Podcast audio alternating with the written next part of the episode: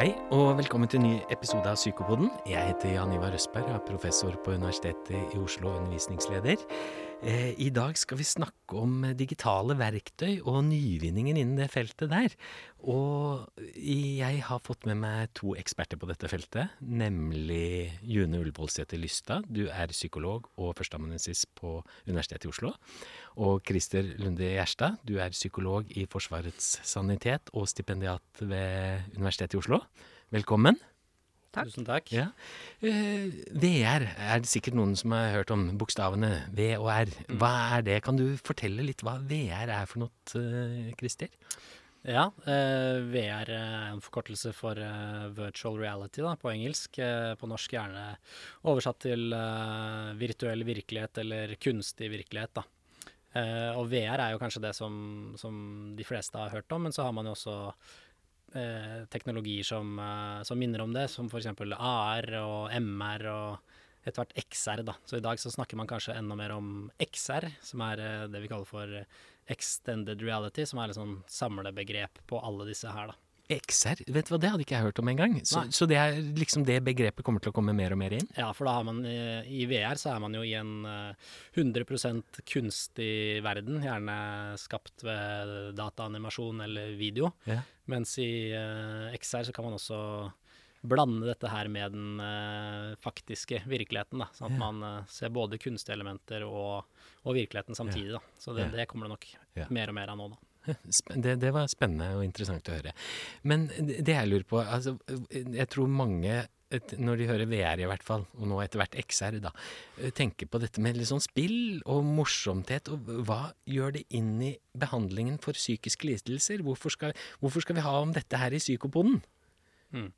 Ja, nei, altså de fleste kjenner nok til det fra, fra spillverden, eh, absolutt. Og det er, det er der de fleste har erfaring med det fra. Eh, og det er jo der også man har mest innhold da, til nå. Eh, det blei jo utvikla som, som mye annet eh, til bruk i Forsvaret i, i USA. Dette her, Men eh, så har man etter hvert eh, sett at det har beveget seg inn i spillverden, da. Og så, mm. over i behandlingsverden eh, etter hvert, da.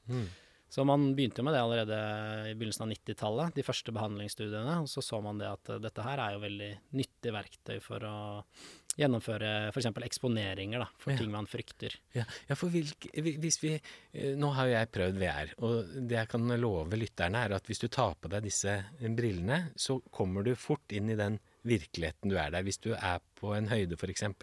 og har høydeskrekk, sånn som jeg har, så var det virkelig fort at jeg begynte å se ned og være litt engstelig inni meg. Du, du, du, du kommer virkelig inn i den kunstige virkeligheten. Mm. Mm. Ja, som kan du si at Målet med, med VR er jo egentlig å få deg til å føle at du er et annet sted da, enn Mm. der du fysisk er. da. Ja, At du rett og slett reiser til en annen verden. Og nå begynner, det å brukes i behandlingen mer og mer. Ja. Mm. Hvilken behandlings... eh, hvilken lidelser er det det er egnet for, uh, June? Det er egnet for ganske mange ting. Altså i utgangspunktet Det første man tenker på, er kanskje hvis man har opplevd noe veldig traumatisk, at det å, å, å kanskje prøve å, å møte det traumatiske på nytt kan være en måte å deaktivere alle de negative følelsene og alle de reaksjonene man har. Men også innenfor eh, angstfeltet, altså sosial angst, eller som du var inne på, spesifikk angst. Eh, og så vet vi jo at med angst så unngår vi jo gjerne det vi er redde for. Og der er VR et ypperlig verktøy for å, å kunne trene på det i ganske trygge omgivelser. Der kan du f.eks. stå ved siden av en person som har høydeskrekk. Og så kan man snakke gjennom strategier, alternativer til den frykten. Og så kan man trene, og det tror jeg er et viktig stikkord. Sånn at du har muligheten til å trene ganske mange ganger i den virtuelle verden. Til du lærer at du egentlig er ganske trygg, og tør å gjøre det i den virkelige verden. Mm. For eh, i hvert fall ved angstlidelser så er unngåelse er vel kanskje det som opprettholder eh, problemene til de personene som sliter med det. Og så kan man da eksponere de i den kunstige virkeligheten, da. Mm. Eh, Du Kristi jobber jo med mange med PTSD. Mm. Eh, Hvordan er det det fungerer litt? June nevnte jo litt sånn med tanke på, Mm. på Nei, eh, eksponering der. I, I Forsvarets sanitet, da, der jeg eh, kom inn i VR-feltet egentlig, det var jo ved at vi kom over en, eh, en amerikansk programvare som da rett og slett lar oss gjenskape situasjoner eller miljøer fra mm, utenlandstjeneste for soldater som har vært i utenlandstjeneste og opplevd traumatiske ting. Da. Og da kan vi ved hjelp av den programvaren gå tilbake til disse minnene og, og lære soldatene soldaten å stå i disse traumatiske minnene. Mhm. Eh, og det gir oss igjen en mulighet som vi ellers ikke ville hatt for Mm. å gjenskape disse situasjonene. Mm. For det er vanskelig å ta med en soldat tilbake til f.eks. Afghanistan eller Irak, hvis det er der Mm. traumet har skjedd. da. Men det Mm. kan man jo gjenskape i VR på en helt annen måte. Hvordan, ja, kan ikke en av dere prøve å forklare, hvis du først forklare, prøver å forklare meg hvordan en sånn PTSD-behandling foregår i VR? Mm. Ja, da vil man jo Først så vil man jo bruke litt tid på å kartlegge hva slags type traume eller, eller traumer er det snakk om. Eh, og prøve å etablere et, et narrativ da, fra, liksom, med en helt sånn definert begynnelse og slutt. Eh, og så vil man da, eh, ved hjelp av det pasienten selv forteller, vil da en terapeut prøve å gjenskape det ved hjelp av denne programvaren. Da. Sånn at for hvis det er Et eksempel kan være en pasient som var i eh, en bilkolonne i Afghanistan, da, der de kjørte gjennom en eh, landsby, og så gikk bilen foran på en veibombe, f.eks. Mm. Så vil du da gjøre det sånn at da forteller jo pasienten, mens han har på seg VR-brillene, forteller OK, hva er det som skjer? Forteller som om det er her og nå, som det skjer her og nå. Så vil klinikeren da sitte og så gjøre det han kan for å gjenskape disse omgivelsene og disse hendelsene da, i, i VR. Ja, hva gjør klinikeren mer sånn konkret uh, når, ha, når han er blitt eksponert for det? Er det bare eksponeringen og ikke noe Nei, eksponeringen er kun én del av det. Mm Så Mhm. det er, jo, det er jo de forberedelsene før, og så er det da det er veldig viktig med denne prosesseringen eller bearbeidingen i etterkant. Da, sant? Der man tar av seg brillene og setter seg ned og snakker om hvordan, hvordan var dette her, og var det annerledes enn sist gang? Lærte du noe nytt? Mm. Var det eh, var det like skummelt denne gangen her, f.eks.? Så Mm. gjør man jo dette gang på gang, helt til, eh, helt til dette minnet ikke, like, ikke frembringer like mye angst eller Ja. frykt. Da. For da kan man f.eks. måle det på en skala fra 0 til 100, da. Ja. Hvor øh, 90 er å ha kjempemye angst, og så ser man da etter hvert som eksponeringen går, at den blir mindre og mindre. Ja. Ikke sant? Så, det må, så man Mm. måler jo dette sånn med jevne mellomrom underveis i Mm. eksponeringen. Mm. Mm. Du nevnte sosialangst, uh, June. Hvordan kan det brukes der? Er det Der er det jo også ofte spesifikke situasjoner eller eh, ja, der man eh, føler i veldig stor grad eh, frykt, angst, unngår situasjonen. Eh, Konkrete eksempler kan være ting som å, å gå ut og handle, befinne seg på et kjøpesenter, men også det å, å kanskje være i en skolesetting. Ja, hverdagslivet, rett og slett. Um, det vi da gjør i VR, er at um, vi tar utgangspunkt i kanskje ulike scenarioer, f.eks kjøpesenter. Um, og så prøver vi gradvis, litt som Christer var inne på, å rett og slett eksponere personen med angst for et kjøpesenter eller en butikk. Uh, det som er viktig å si, er at vi lar på et vis ikke klienten eller pasienten stå der alene i det, men veileder underveis, sjekker ut hvordan det går, hvordan det føles. Eh, prøver å bevisstgjøre endringer. Kjenne personen selv noen endringer underveis. Um, så er det det å sant? Ofte så er det intuitive at vi rett og slett unngår disse situasjonene. Uh, litt av målet er ikke, det er ikke bare eksponering, det er å lære eller få noen alternative tanker og alternative strategier. Uh, mange kan også synes det er ubehagelig å se folk i øynene under en samtale f.eks. Og en sånn typisk eh, forsvarsstrategi, da, eller unnvikelsesstrategi, vil kanskje være å hele tiden se ned. Det kan jo gjøre at en samtale kan bli litt kunstig. Eh, og det å, å bli bevisst da, sine egne kanskje strategier, som ikke er så hensiktsmessige, og som kanskje er med på å opprettholde den angsten. At man prøver å fange opp de, og prøver å finne alternativer yeah. underveis. Eh, fordi det, det som opprettholder angsten i de sosiale situasjonene, enten på kjøpesenteret eller i bussen eller hvor som helst, er jo den trygghetsatferden, eller den unngåelsesatferden. Sikringen. Sikringen, ja. Ja. Og da vil jo disse som sliter med dette, tenke at hvis ikke jeg hadde sett ned, eller hvis jeg ikke hadde eh, gått dit, så hadde jeg fått et skikkelig angstanfall eller blitt veldig mye mer redd og sånn. Og så er det på å prøve å lære de da i VR og unngå å bruke de. Så, så, for da eksponeres de skikkelig. Men dette høres jo veldig ubehagelig ut. Er det det? Jeg, jeg tror så ærlig må vi være at, at det kan bli ganske Ja, ubehagelig. Jeg ja, vet ikke hva din erfaring er. Absolutt, men uh, da er det jo viktig å forberede pasientene på at det, det ubehaget er jo egentlig bra, da. For det betyr Ja. at, man, eh, at man er et steg nærmere å bli kvitt den angsten. Ja. ikke sant? At man, man øver seg på å stå i det, da. Mhm. Mm. Øver seg på å stå i det, så, sånn at angsten da etter hvert forsvinner. Ja, og erfarer det at ved å bare stå i det lenge nok, da, så vil Mm. angsten slippe av seg selv etter hvert. sant? Ja, har du noe erfaring med det? Er det noen som blir, ikke klarer det, eller klarer de fleste det, eller er det Ja, jeg har hatt litt begge deler. Altså det er, eh, det er um, For enkelte så kan det ha vært så ubehagelig at de faktisk har gått til det skrittet å rive av seg brillene. Det er ytterst sjelden. De aller fleste, men man går veldig gradvis frem. Det er kjempeviktig å si, og at man tilpasser underveis. Uh, og, det, og det kan skje, men, men min erfaring er at de fleste uh, tør litt mer og mer for hver gang. Mm. Man lager et litt sånn angsthierarki, ikke Ja. sant? hvor man ikke begynner med det, Det som gir aller, aller Mm. mest angst, men begynner kanskje litt nede, og så Mm. øker man på situasjoner og, og sit, som kan gi angst etter hvert. Ja. Mm. Og det, det man ser også i en del studier, og det, det er jo at eh, jo mer angst, jo mer profitterer man stort sett på denne VR-behandlingen. Så det, det er litt, eh, litt slemt. Ja. men, men, eh, men angsten bringer en på et vis også litt sånn videre, da, i Mm. disse scenarioene. Ja. Mm. For det ligger vel en del sånn psykoedukasjon først, da. Eh? At du må eksponere deg for å bli kvitt den angsten.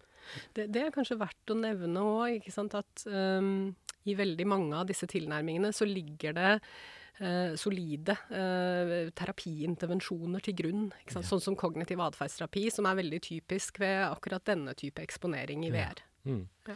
Ja, for da er det kognitiv atferdsterapi som ligger bak når man bygger disse eh, programmene i VR. Mm. Ja, det kan jo, Kognitiv atferdsterapi er jo kanskje det, det mest åpenbare da, når det gjelder eksponering, men man ser jo også andre, eh, at det er andre VR-applikasjoner der det er annen type metode som ligger bak, da, mer psykodynamisk eller, eh, eller andre typer. Eh, Mm. Men eh, kognitiv atferdsterapi er absolutt det som er mest utbredt når det gjelder VR. Da. Mm. Mm. Ja, for jeg, jeg leste jo sånn den der atferdsdelen, selve pasienter med depresjon, og det at, at de hadde fått øh, kommet ut i naturen som en sånn der meningsfull aktivitet på en måte også, som kunne være, være en del av behandlingen. Så det brukes på veldig, veldig mange forskjellige måter.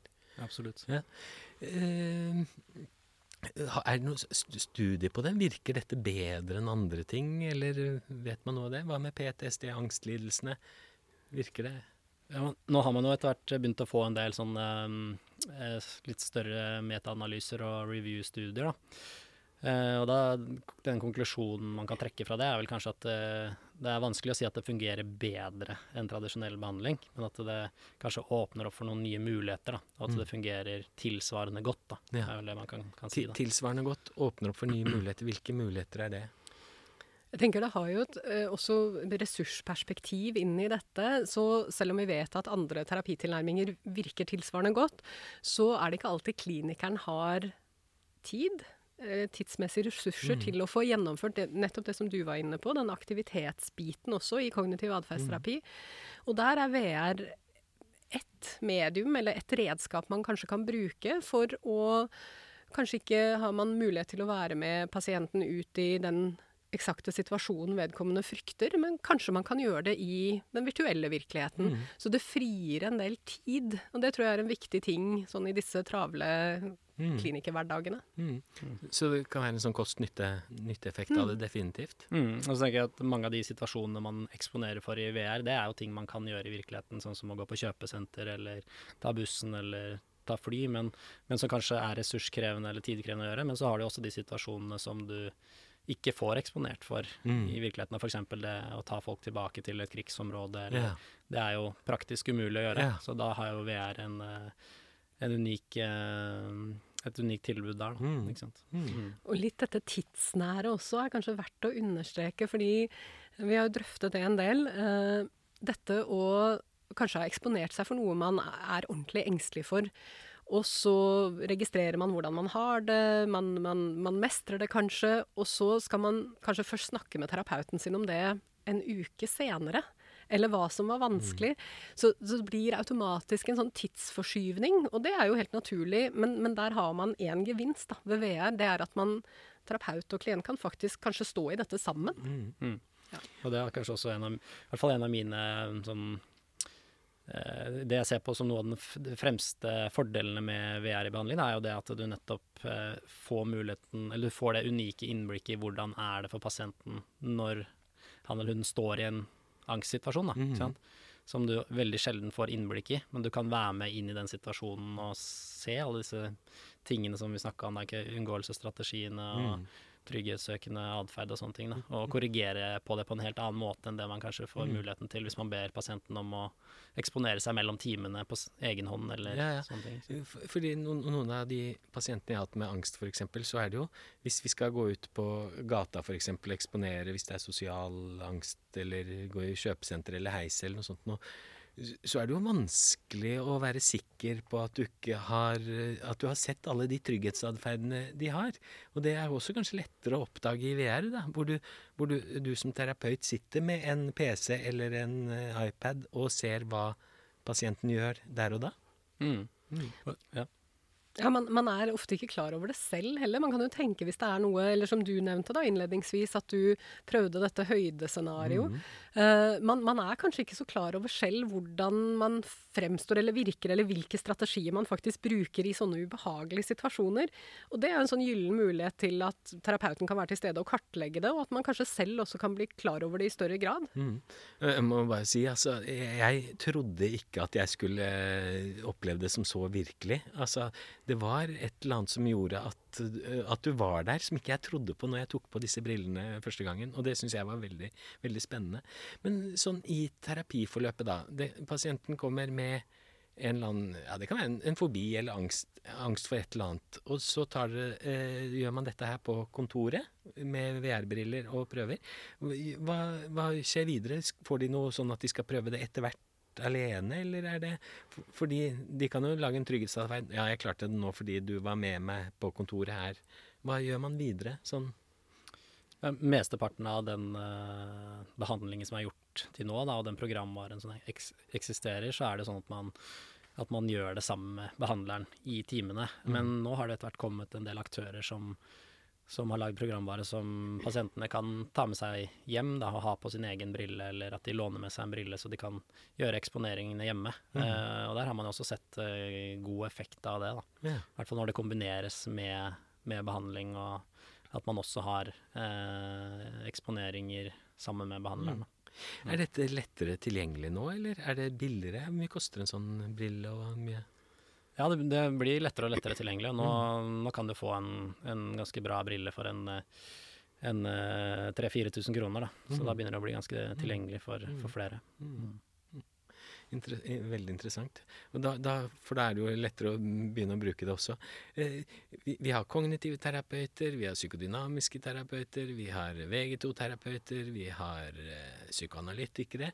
Vil vi om noen år, og eventuelt hvor mange år, vil dere tippe på at vi har en egen sånn gruppe som kaller seg VR-terapeuter? Jeg, jeg vil eh, håpe og tenke at vi har det ganske snart. Ikke sant, Det ligger jo noen føringer også, eh, også helsepolitisk sentralt om at vi skal, vi skal digitalisere oss. Helsevesenet er også med på den digitaliseringen. Og på den ene side så tenker jeg det er kjempeviktig å understreke at VR det er et, det er et medium, det er ett redskap blant flere. Det er, ikke, det er ikke noe magi ved det, så man må gjøre en jobb. Men samtidig så er det noe med disse ressursene og denne tilgjengeligheten i disse digitale tider, og så treffer det kanskje en, en, eh, en litt bredere del av eh, pasientene også. Um, så så jeg, jeg tror det er litt den veien vi går, og at det kan komme ganske raskt, så kanskje fem år. Fem år. Så har vi Forening for VR-terapeuter. Ja. Mm, mm. Eh, nå- vi har, nå har vi snakket om det vi kaller de der, eh, i anførselstegn, lettere moderate lidelsene.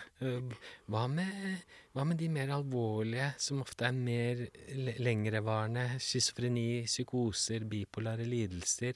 Kan det eh, være en sånn god behandling der òg, tenker dere? Absolutt. Der begynner det jo å komme ganske tunge studier, særlig fra Oxford-miljøet, um, der man ser at dette For det første så er det kanskje noe vi ikke har en så sterk tendens til å fokusere på i psykosebehandling. Det at veldig mange, to av tre, også kan møte kriteriene for agorafobi. Uh, og det å adressere spesifikt den biten, da, også ved psykose, det ser ut til å være veldig effektfullt. Uh, det ser ut til å treffe pasientene, og det ser ut til ikke bare ser, altså I denne særlig ene store studien så fant man veldig god effekt. Og det ser også ut til å være kostnadseffektivt. Mm. Og det er jo viktig aspekt inn i det hele. Ja, ja det, det må det jo være i disse, disse tider. Mm. Eh, vi, vi, hvis vi tenker på hva vi har av, for disse av behandling nå i forhold til de alvorlige psykiske lidelsene, kognitiv atferdsterapi f.eks., som er sånn, hvordan kan det bli brukt inn i det? Nå, nå har dere vist hvordan dere har gjort det ved angstlidelser, PTSD på en måte, brukt disse kognitive prinsippene inn. Hvordan, for jeg kommer på en pasient, skjønner du, f.eks. det å var vanskelig å ta bussen fordi han tenkte at alle kunne lese tankene hans, og da blir det jo Det er ikke vanskelig å forstå at det blir veldig veldig vanskelig å ta bussen, da. Ikke sant? Hvordan kan man Er det det samme, da? Eksponere med buss? Akkurat som man ville gjort for en som hadde sosial angst for busser? Eller? Ja, nå er jo vi så heldige at vi er involvert i et prosjekt ved OS der vi utvikler nettopp eh, programvare for, eh, for denne type problemstilling. Da. Mm. Eh, og da er det jo Det går jo i mye av det samme som hvis man skulle laget noe for eh, tradisjonell sosial angst, men at man, man prøver å eh, lage programvaren mm, og legge noen elementer som treffer litt mer eh, for de som har utfordringer med, med psykoselidelser, for Mm. Mm. Mhm.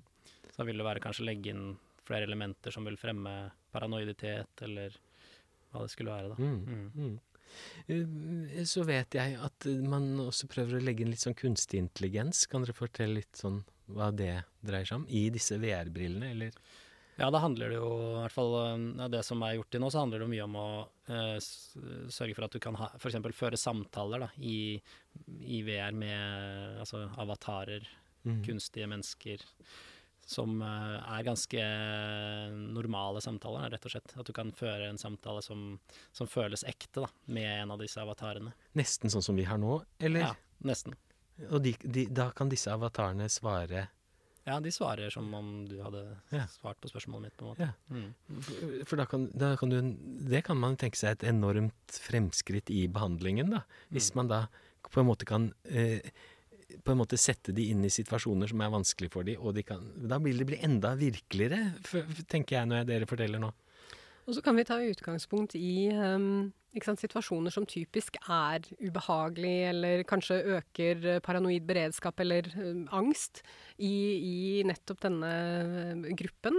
Um, så får vi skreddersydd eh, litt, ikke sant. Hva, som, hva, hva, hva er det de engster seg for? Hvordan, hvordan kan vi sette sammen egentlig et sånt scenariobibliotek? Sånn at man kan trene på mange ulike settinger. Jeg er så heldig å jobbe med et uh, veldig flinkt selskap som, som lager disse programmene. Og det blir veldig spennende å få satt i gang og, og se om uh, Eller hvordan det virker. Mm. Mhm. Ja, for i, for i dette prosjektet så samarbeider dere med Fornix, som er et sånt datautviklingsfirma som, som gjør dette her. Mm. Mm, ja, et Trondheimsbasert selskap som, eh, som er ganske langt framme på det å ta i bruk eh, da, dagens moderne VR-teknologi, da, som Mm. gjør at man kanskje i enda større grad føler at man lever seg inn i det. Da. Ja. man, kan, eh, man kan interagere med ting og plukke opp ting, og etter hvert da eh, snakke med folk eh, med AI og sånne ting. Mm. Men jeg sitter og lurer på sånn, det, Nå er jo denne psykopoden for eh, studenter, men vi vet jo også at eh, fastleger hører på, psykologer hører på. eh, den generelle eh, befolkningen hører på den her. Hvor utbredt er den nå? Kan, kan fastlegen henvise til en VR-terapeut? Eller kan, kan en, jeg som psykiater henvise til en Eller er det vanskelig? Er det mange som driver med noe, eller er det litt for spesielt interesserte? Jeg vil si at det er en, eh, det er en økende trend, Ja. der flere og flere behandlere oppdager nytteverdien ved mm. å ta i bruk VR. Mm. Men det er jo fortsatt en nisje, men vi må si det. Ja. Um, så jeg tror ikke at en gjengse fastlege vil vite eh, hvem den skal henvise til, Nei. hvis det er snakk om uh, å skulle ha VR-behandling. da. Ja. Men, eh, men det, vi ser at det er flere og flere som eh, blir interessert i det, og nå er det også Jeg vet at det er bl.a. noen av de store private helseforetakene da, vil eh, lansere sånne tilbud etter hvert. Ok, Mm. ja. Og da vil jeg jo tro at det kommer i det offentlige ganske kjapt også. Ja, og det, det, er, det rører seg jo flere steder. Ja. Det er mange prosjekter som, som finnes der ute. Ja, Mm. for det Ja. Det understreker også litt behovet. ikke sant? At hvis dette skal breddes på en god måte, så er det også viktig med, med opplæring. Eh, fordi vi har jo også møtt på i, i eh, denne forskningen vår til nå at eh, det, kan jo også være en terskel, det å ta i bruk eh, digitale verktøy i, altså blant terapeuter også. Så det å, å få en god opplæring og en, en god opplæringspakke er også viktig før, mm. før man kanskje bredder Mm. Ja. Ja, som i all annen terapi og behandling, på en måte, at du må få Mm. opplæring i det. Men hva er erfaringen deres når dere har eh, drevet med det, først og fremst fra pasientenes side? Opplever de det som Du nevnte jo noen som fikk angst, men opplever de det som nyttig? Blir de bra og får bedre funksjon, bedre livskvalitet, mindre symptomer? Gjør de det? Ja, min erfaring er i hvert fall at de aller fleste opplever det som overraskende nyttig. Ja. At, eh, ma mange er litt, eh, kanskje litt skeptiske og tenker at dette her eh, er litt rart, og det ser kanskje ikke helt ekte ut og sånn, men, men et- gang på gang så ble jeg overraska over hvor uh, ekte folk syns det virker. da. Mm. Hvor mye de lever seg inn i det, og hvor stor effekt de får av det, Mm. faktisk. Mm. Så Mm. det er litt uh, det er gøy å se da, som behandler, Mm. syns jeg. Så en ny behandling eh, som er på vei opp, og som kan bidra til å bedre behandlingen for nesten alle psykiske lidelser, kan vi nesten si det? Eller? Ja, hvis vi tar det litt, så kan vi si det. Så. Da tar vi veldig i, eller? Med litt optimisme, så tar vi Litt optimisme, ja. fordi det er jo veldig Det er den der eksponeringsbilden som er angstlidelser, som er liksom mest utbredt, sånn jeg har forstått dere to nå.